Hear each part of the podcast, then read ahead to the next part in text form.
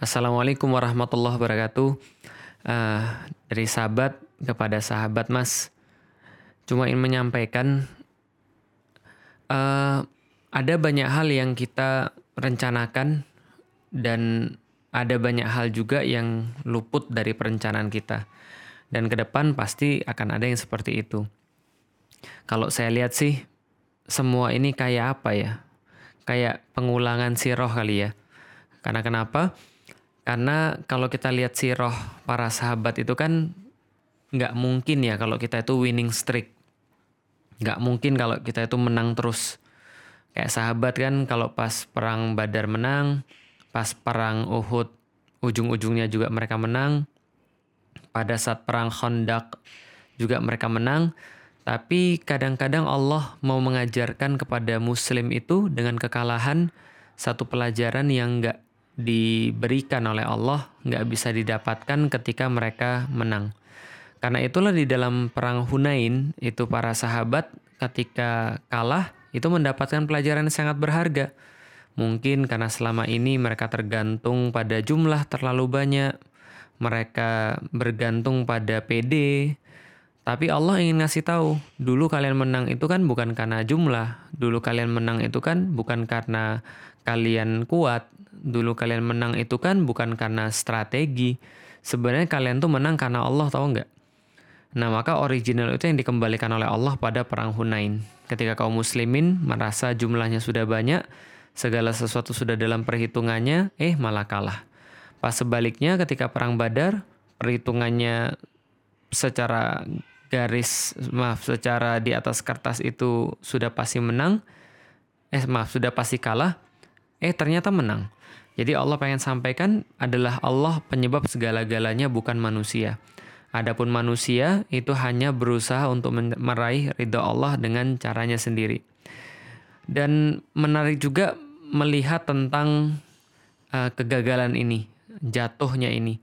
Saya teringat juga pada seorang sahabat namanya Abdullah bin Umi Maktum.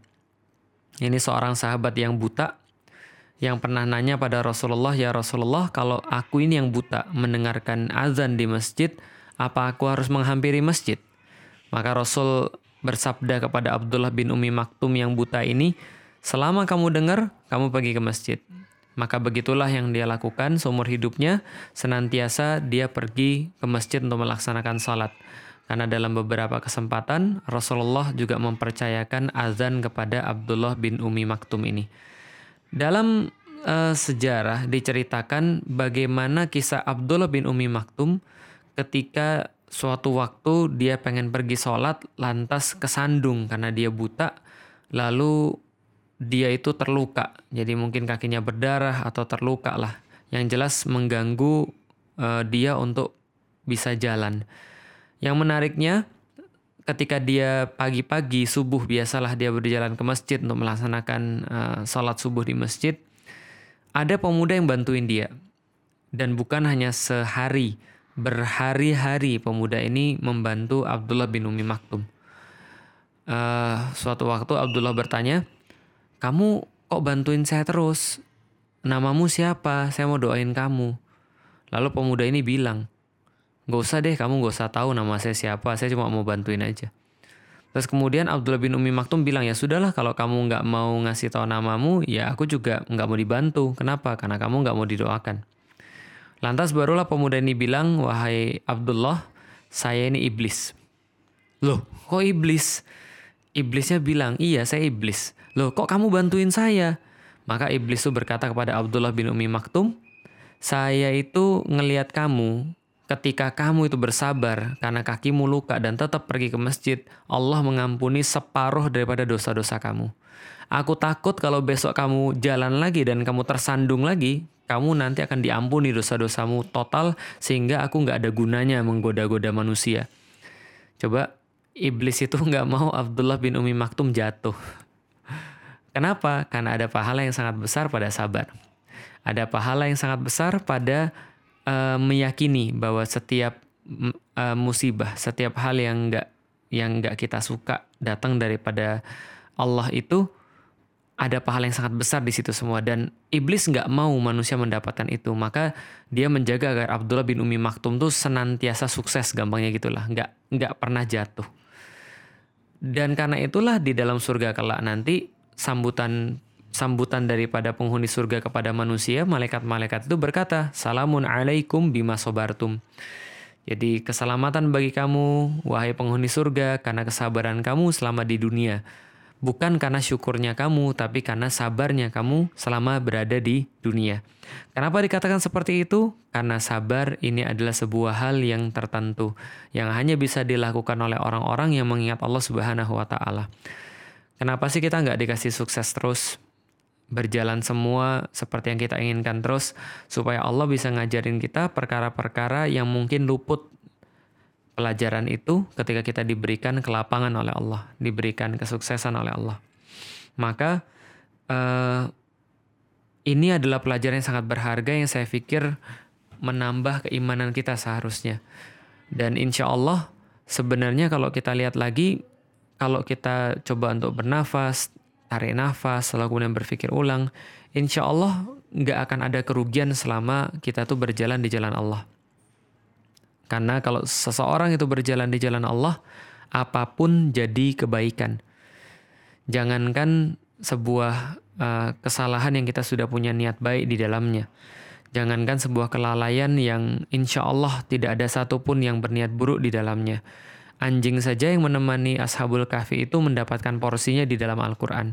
Maka insya Allah apa pun yang sudah kita lakukan, yang kita niatkan karena Allah, dan saya yakin teman-teman semua sudah mencurahkan segenap tenaga di situ, jadi upaya, lalu kemudian ya everything lah kita taruh di situ, saya yakin Allah tidak buta, Allah tidak tuli, Allah dengar, Allah lihat seluruh apa pun yang kita coba korbankan di jalan Allah, ngajak manusia kepada kebaikan, membuka pintu-pintu kebaikan pada manusia, insya Allah itu sudah menjadi perhitungan tersendiri di hadapan Allah Subhanahu wa Ta'ala.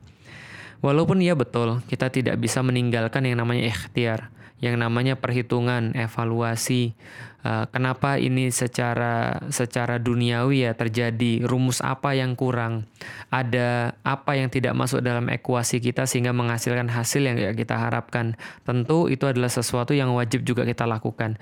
Jadi nggak bilang cuma bahwa ya kita harus sabar, nggak. Kita harus memang akan evaluasi secara profesional. Tapi saya yakin uh, Mas dan teman-teman itu lebih paham daripada saya, lebih tahu daripada saya.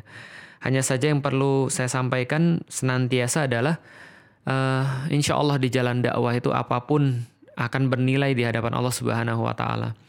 Mungkin bagi kita sesuatu itu terlihat sangat sangat uh, devastating, tapi bagi orang yang lain bisa jadi itu jadi jalan hidayah.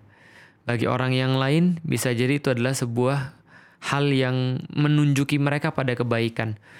Dan kita nggak pernah tahu karena hajatnya ini adalah hajatnya Allah. Sesuatu yang menurut kita buruk bisa jadi ini adalah kebaikan bagi kita ke depan. Dan jangan sampai ketika menurut kita itu baik malah menjauhkan kita daripada Allah Subhanahu wa taala. Jadi kesimpulannya ujian itu nggak ada yang nggak ada yang salah dan nggak ada yang betul. Yang menyebabkan salah, yang menyebabkan betul adalah jawaban kita terhadap ujian itu maka nilai kita tergantung dari bagaimana kita menjawab ujian itu. Nah, sekarang ujiannya sudah di depan mata, jawabannya juga kita sudah punya insya Allah, maka nilai daripada apa pun yang sudah kita jalani ini tergantung daripada bagaimana cara kita menjawabnya. Allah sudah kasih bocorannya kepada kita, Allah sudah sediakan pahalanya pada kita, dan mudah-mudahan uh, kita termasuk orang-orang yang bisa menangkap kebaikan-kebaikan daripada apa pun yang telah Allah sampaikan kepada hamba-hambanya. Tidaklah satu musibah itu terjadi, melainkan hanya karena izin daripada Allah Subhanahu wa taala. Wa may yu'min billah dan siapa yang tetap beriman sesudah ujian itu, sesudah uh, tes itu yang Allah berikan kepada kita, yahdi qalbah, maka Allah insya Allah akan membimbing hati kita menjadi lebih baik lagi, menjadi lebih tenang, dan memaknai semuanya sesuai dengan apa yang Allah perintahkan. Yang berikutnya, bagi saya tetap saja ini adalah sebuah hal yang terbaik. Indonesia sudah terlalu lama nunggu semua yang kita buat. Indonesia sudah lama perlu apa pun yang kita buat. Maka apa pun yang kita buat ini insya Allah kita tidak boleh hentikan karena ini adalah bagian daripada uh, kontribusi kita untuk umat. Cara kita untuk menjawab di hadapan Allah apa yang sudah kita persembahkan buat Islam. Yang kita mantapkan hari ini adalah insya Allah ini semua komitmen untuk Islam dan kita memohon pada Allah mudah-mudahan apa pun yang kita rasakan di dalamnya ini menjadi bagian daripada kuatnya komitmen kita terhadap agama Allah. Assalamualaikum warahmatullahi wabarakatuh.